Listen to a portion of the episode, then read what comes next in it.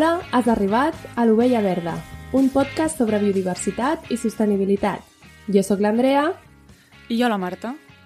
Corda't les xiruques, que comencem.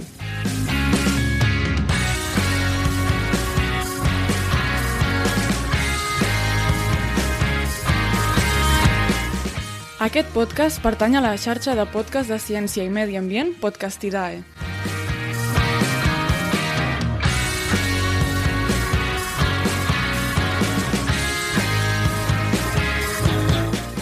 Avui no parlarem de biodiversitat, com els anteriors episodis, sinó que ens endinsem en el món de la sostenibilitat. Parlarem d'un tema que és novetat al nostre podcast, com és l'arquitectura, i quina relació té amb la sostenibilitat. Per parlar-ne hem convidat per primera vegada a dues persones a un mateix episodi. Elles són la Raquel Estany i el Marc Sureda. Benvinguda i benvingut. Hola. Hola, què tal? Jo soc, bueno, soc el Marc. I jo, la Raquel. La Raquel i el Marc són arquitectes i formen part d'Arquitectura de Contacte, una cooperativa d'arquitectura sostenible i propera. Després ens explicareu millor de què va tot això. I ens sembla molt, molt guai tenir-vos per poder fer un episodi com aquest, ja que nosaltres no tenim ni idea sobre arquitectura i, bueno, alguna idea ens fem sobre arquitectura sostenible, però simples pinzellades que ens han despertat la curiositat per poder fer aquest episodi. I, bueno, moltíssimes gràcies per venir i dirigirem les preguntes perquè no hi hagi confusions, ja que sou dos, mai ho hem fet això.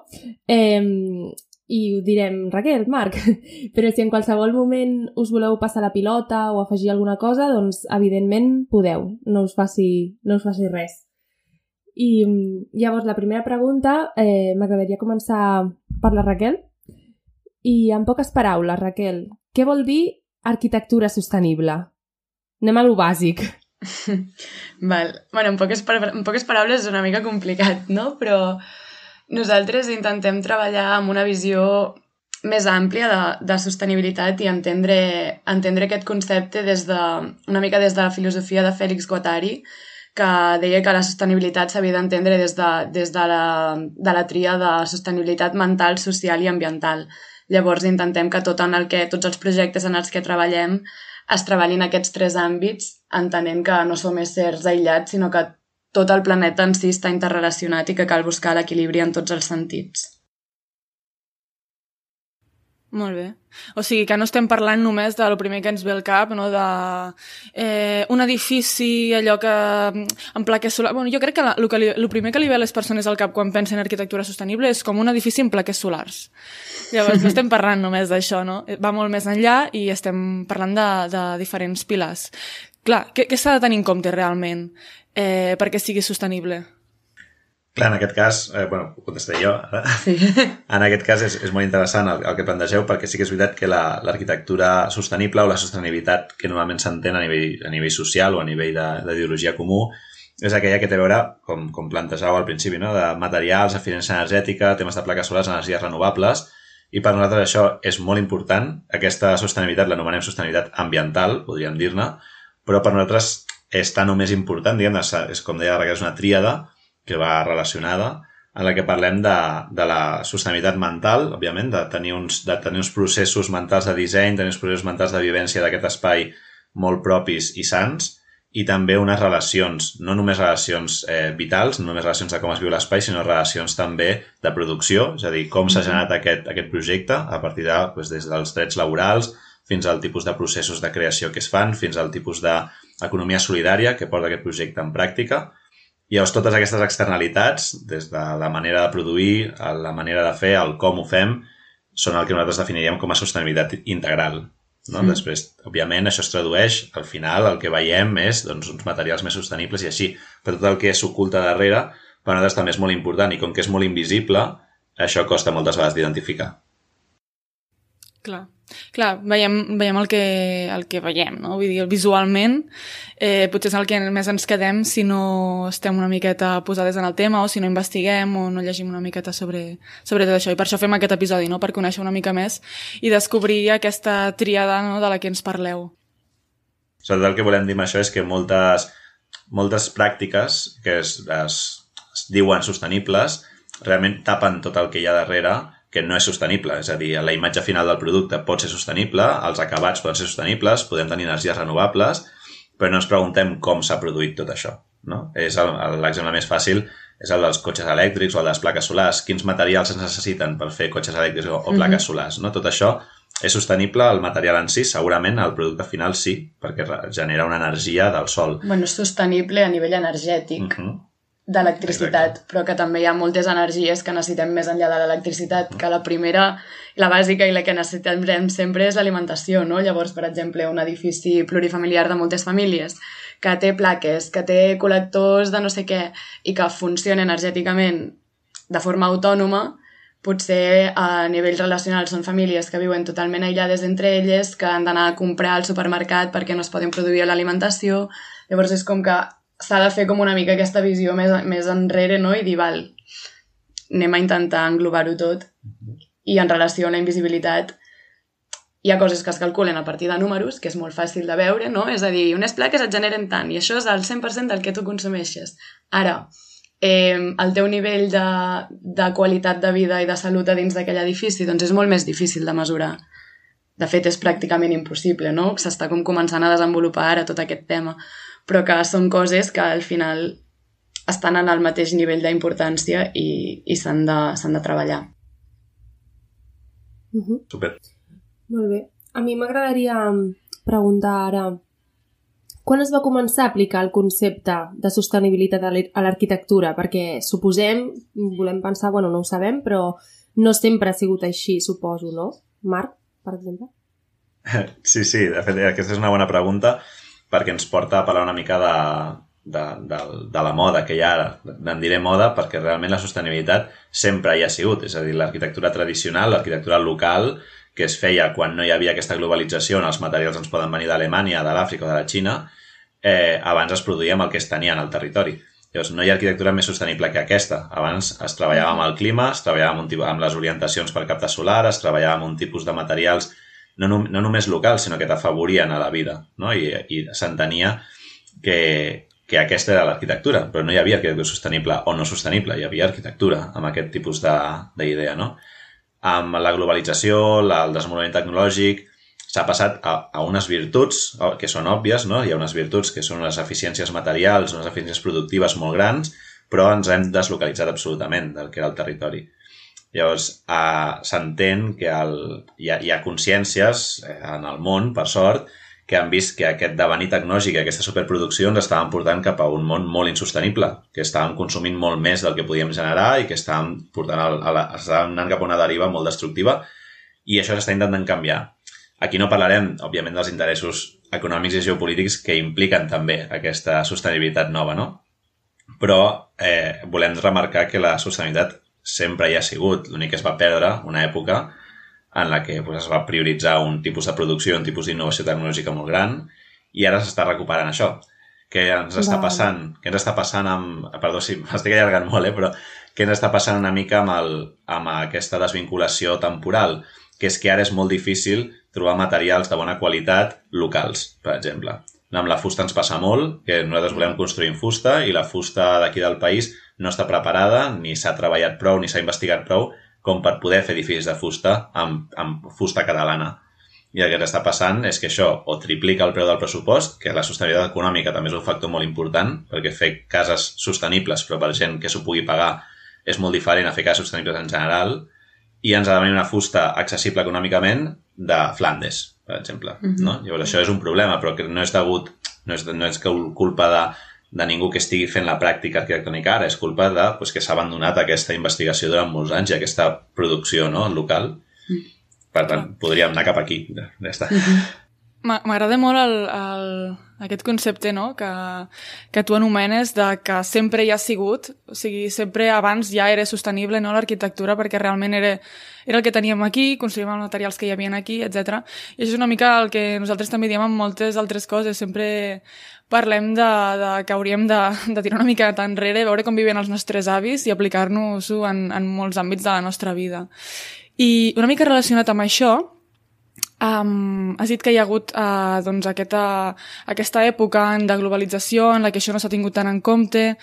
Um, ara s'està doncs, intentant um, uh, im, diguem, implicar-se una miqueta més en l'arquitectura sostenible, per exemple, des de la universitat, uh, es, es parla això? S'estudia d'alguna forma? Eh, bé, nosaltres just ara estàvem fent aquesta setmana no, com una mica de, de recerca i d'anàlisi de quines són les assignatures que s'imparteixen a les universitats d'arquitectura de, de, de Barcelona, en aquest cas de, a la UPC de Barcelona i de Sant Cugat.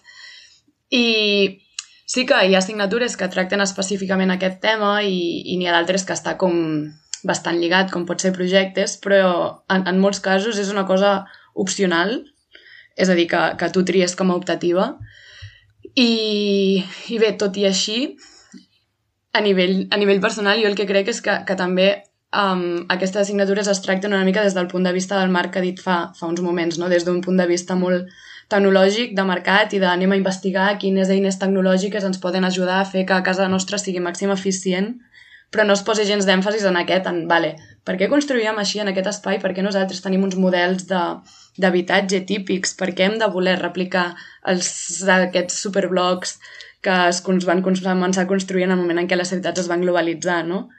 Trobo que és una mirada molt urbanocèntrica la que rebem de com fer que ens apilem al màxim de persones en aquest espai i és igual d'on vingui el que fem servir per fer-ho. Això és una mica el que rebem en, a la universitat, crec.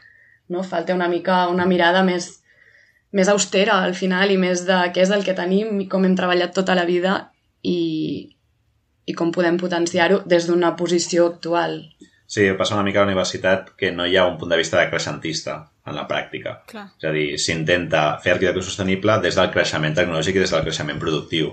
Llavors això, des del nostre punt de vista, és contradictori, bàsicament. O com a mínim, faltaria l'altre, com deia Raquel, faltaria l'altre punt de vista, el punt de vista del decreixement, d'aquesta mirada enrere, eh, de dir, val, es, es pot arribar a la sostenibilitat d'una manera tecnològica si no mirem, com deia abans, que tampoc hi entrarem, que és un tema molt llarg, si no mirem d'on venen aquestes externalitats per produir aquesta tecnologia, que és un altre temazo, eh, però es pot arribar a una sostenibilitat o una eficiència molt alta a nivell de confort climàtic i a nivell de si s'estudia bé el paisatge, el clima, el territori i com et col·loques tu no? en aquest edifici. Mm -hmm. Molt bé. Doncs teniu molta raó, la veritat. Estem aprenent moltíssim, mm -hmm. la Marta i jo, a fer, fer que bé. preguntes. Um, ens agradaria saber també si un edifici que inicialment no és sostenible, el, el podem fer sostenible o ja és massa tard? O és millor utilitzar el que ja tenim o ensorrar l'edifici i tornar-ho a fer millor? Jo? Val. Um, aquí, just abans de, de començar, ens estàvem una mica com comentant-ho, el Marc i jo, no? Que al final depèn una mica de la situació, tot i que a priori nosaltres sempre som... Uh, est estem a favor, diguéssim, de, de reutilitzar el que hi ha, perquè al final eh, si una preexistència es troba en bon estat estructural en el sentit de que allò s'aguanta, tens un, un envolupant en el que situar-te, eh, fer-ho habitable requerirà de menys recursos que construir una cosa des de zero i, a més a més, enderrocar-la, no? que generes tot un conjunt de residus. Ara, també hem de tenir en compte que molts dels materials que s'han utilitzat en la construcció convencional, sobretot en aquests últims anys, anys 70, 80, 90, són materials bastant pèssims per la nostra salut o per l'entorn. Estem parlant d'amiant, estem parlant de o, o elements que deixen anar tòxics, pintures que deixen anar tòxics, etc. Llavors, sempre s'ha de tenir una mica en compte el val, què ens aporta el que tenim, realment compensa, eh, doncs anem a treballar-ho o anem a, a partir de zero i mirar com aquesta partida des de zero pot compensar. No? Sí, sobretot que s'ha d'entendre que l'edifici construït té una energia intrínseca implicada allà. Mm -hmm. Vull dir, ja hi ha hagut no només energia material, sinó que hi ha energia de disseny, hi ha energia d'extracció de materials, hi ha energia d'importació d'aquests materials i aixecament d'aquests materials. No? A, nivell, a nivell material de càlcul pur, estaríem parlant que hauria de ser un edifici, el nou que construíssim hauria de ser un edifici que fixés, en el cas bàsic, molt CO2 per, per poder compensar no només l'aixecament d'edifici preexistent, sinó l'enderroc, que no és gens fàcil enderrocar un edifici i sobretot que se'n fan d'aquests residus. Com deia Raquel, si ens trobem amb, amb amiant, si ens trobem amb formigó que està en mal estat, si a dintre del formigó tenim armat, si després mm -hmm. tenim pintures tòxiques, tot això al final no podem viure de cementiris d'aquests materials, al final. Llavors això s'ha de trobar la manera de fer que convisquin a la nostra societat adaptant-los a, a, les, a la nova mirada aquesta de sostenibilitat, no? Diríem. Uh -huh. Clar, aquí ja potser no, no hi entrarem, eh? però clar, em ve al cap el tema de que òbviament ha faltat una, una planificació i ha faltat um, organitzar urbanísticament o el que sigui, no? les ciutats i les zones urbanitzades perquè després no passin aquestes coses, perquè al cap i a la fi si tu ho planifiques des d'un principi uh -huh. ja t'estalvies tots aquests impactes que en un futur potser doncs hi seran. Mm. Clar, hi ha hagut una planificació econòmica, no? Bueno, és que sí, de com podem fer que la ciutat produeixi el màxim de benefici. Ara, no hi ha hagut ni una planificació social ètica ni una planificació ambiental. Llavors ara ens està esclatant a la cara tot això. Clar. Però igualment, eh, no només els materials, i, sinó com a eficiència energètica podrien ser molt més eficients del, del que són alguns edificis, no? Perquè, com has dit, que s'ha buscat des d'una planificació econòmica, però alguns, de fet, podrien ser més eficients per no gastar tanta energia, no? Perquè, uh -huh. per exemple, si comparem la casa de la Marta amb casa meva, la Marta eh, ara jo vaig amb maniga curta i l'Andrea va amb bufanda. o sigui, què vol dir això? Llavors, mm, eh, que això també és un punt que s'ha de tenir en compte no? a l'hora de dissenyar i construir i que seria energèticament mm, més eficient mm, doncs no sé, com, no sé trobar les paraules ben bé però com aprofitar i que a l'hivern sigui més càlid i que a l'estiu sigui més fresc i jo en canvi no està ni morint-me de calor a l'estiu ni, ni passar fred a l'hivern sí, sí, sí. i haver de posar doncs, la calefacció, l'estufa o el que sigui. La Marta no necessita res. Sí, sí, és, és, de fet és un, és un tema molt interessant aquest que remet una mica al que parlàvem abans de, de o dels càlculs aquests diferits. No? O sigui, nosaltres quan calculem l'eficiència d'un edifici, generalment aquest, aquesta sostenibilitat es calcula en matèria de construcció, per exemple. No? Si aquest edifici ha, ha gastat tant, si posem el CO2 com a baremos, hem, hem emès tant CO2 per construir aquest edifici. Hi va haver una època, als 70, 80, 90, que és, com deia Raquel abans, que es va produir per produir, al màxim, buscant el màxim benefici, i en aquests casos, si l'edifici era molt barat a nivell de materials, que no vol dir més sostenible, al revés, però era molt barat, però aconseguies fer-lo molt ràpid, molt barat, això implicava que després mm, era igual el que passés amb aquest edifici, vull dir, tu podies gastar-te milers d'euros en la en l'aire condicionat o en la calefacció. I això passa en, en molts edificis d'ara, que podem fer-los molt sostenibles o molt econòmics o molt ràpids, però després hem de tenir en compte tot la, el consum energètic que tindrà aquest edifici. I això entra no, molt en, el, en el món aquest. Això sí que la universitat sí que ja està entrant més, en el tema d'aquesta petjada ecològica diferida, podríem dir-ne, no? no només a l'edifici, que potser el teu edifici costa uns recursos que venen d'Alemanya o costa uns recursos que venen de certs punts d'Europa on es treballa doncs, la fusta, el tema del gútex, aïllaments de fusta natural o així, que potser venen d'una mica lluny, però al final el que ens acaben generant és que en els propers anys potser no hem de fer servir la calefacció, potser hem de fer servir l'aire condicionat i potser tenim un gast energètic de quilowatts hora molt menor al que teníem abans, no? el que s'anomenen ara les cases passives. Seria un exemple, eh, per posar-lo. Uh. -huh. Que és molt interessant això. I, I està clar que un edifici millora molt quan està aïllat que quan no està aïllat, depèn de quin aïllament, però és molt millor que l'altre, i això, òbviament, a, a nivell econòmic també es nota. Uh. -huh. Llavors, en les vostres cases respectives Pot ser un tema d'orientació, pot ser un tema de que tinc, la Marta tingui una façana que doni a sud gran que capti molt sol a l'hivern, pot ser que l'aïllant de la Marta sigui millor, en aquest cas, i que llavors a l'hivern pues, acumuli més calor interna. Eh, pot ser un tema també de tancaments, per exemple, que potser tu, Andrea, tinguis uns tancaments que siguin de vidre únic i la Marta els tingui de doble vidre, per exemple. Això ja fa molt i tens molta pèrdua calòrica per les obertures, no? Uh -huh. Hi ha tot un seguit de coses que es poden estudiar eh, veure si és viable o no econòmicament afectar-hi i a partir d'aquí, pues, uh -huh. sí, treballar-ho. Molt bé. Perfecte. Jo tenim una, una miqueta més que la Xondria sí. que pot ser, perquè a casa teva és al Pol Nord. Um, M'agradaria preguntar-vos també, perquè al vostre projecte dieu que teniu compromís per una transformació social, Uh, M'agradaria saber quina relació té l'arquitectura o l'arquitectura sostenible amb les lluites socials o el benestar de les persones. Sí, mira, això ho respondrem entre les dues una mica. Vale? Jo parlaré un moment de... O sigui, no parlaré d'arquitectura, sinó parlaré del, del projecte que aquí diu de transformació social, per exemple, i només un apunt. Només, dèiem que abans la sostenibilitat per nosaltres l'entenem des d'un sentit ampli, en el qual, per exemple, la forma en com ens associem per treballar aquests projectes també ens és molt important. És a dir, no és tan, no, és tan important el què fem com el com ho fem, no?